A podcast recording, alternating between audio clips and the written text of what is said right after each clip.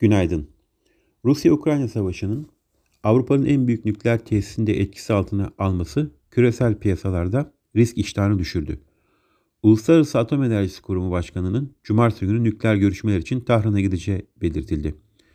Euro bölgesinde üfe enflasyonu aylık bazda %2.3'lük piyasa beklentisine karşılık %5.2 oldu.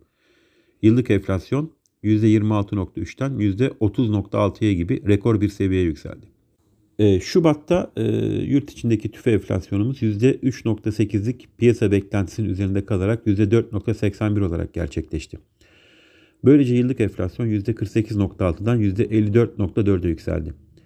25 Şubat haftasında döviz rezervleri 2.6 milyar dolar azalırken altın rezervleri altın fiyatlarındaki artışın etkisiyle 1.7 milyar dolar arttı. Rusya'nın Ukrayna'ya 24 Şubat'ta başlattığı saldırının gerçekleştiği 25 Şubat haftasında yurt dışı yerleşikler 87 milyon dolar değerinde hisse senedi satarken tahvil piyasasında satış 370.8 milyon dolar oldu.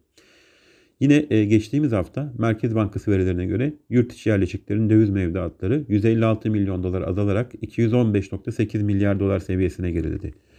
Borsa İstanbul tarafında bugün de BIST 50 endeksindeki paylar için açığa satışta yukarı adım kurulunun uygulanacağı duyuruldu. Bugün Amerika'da tarım dışı istihdam ve Şubat ayı işsizlik oranı açıklanacak.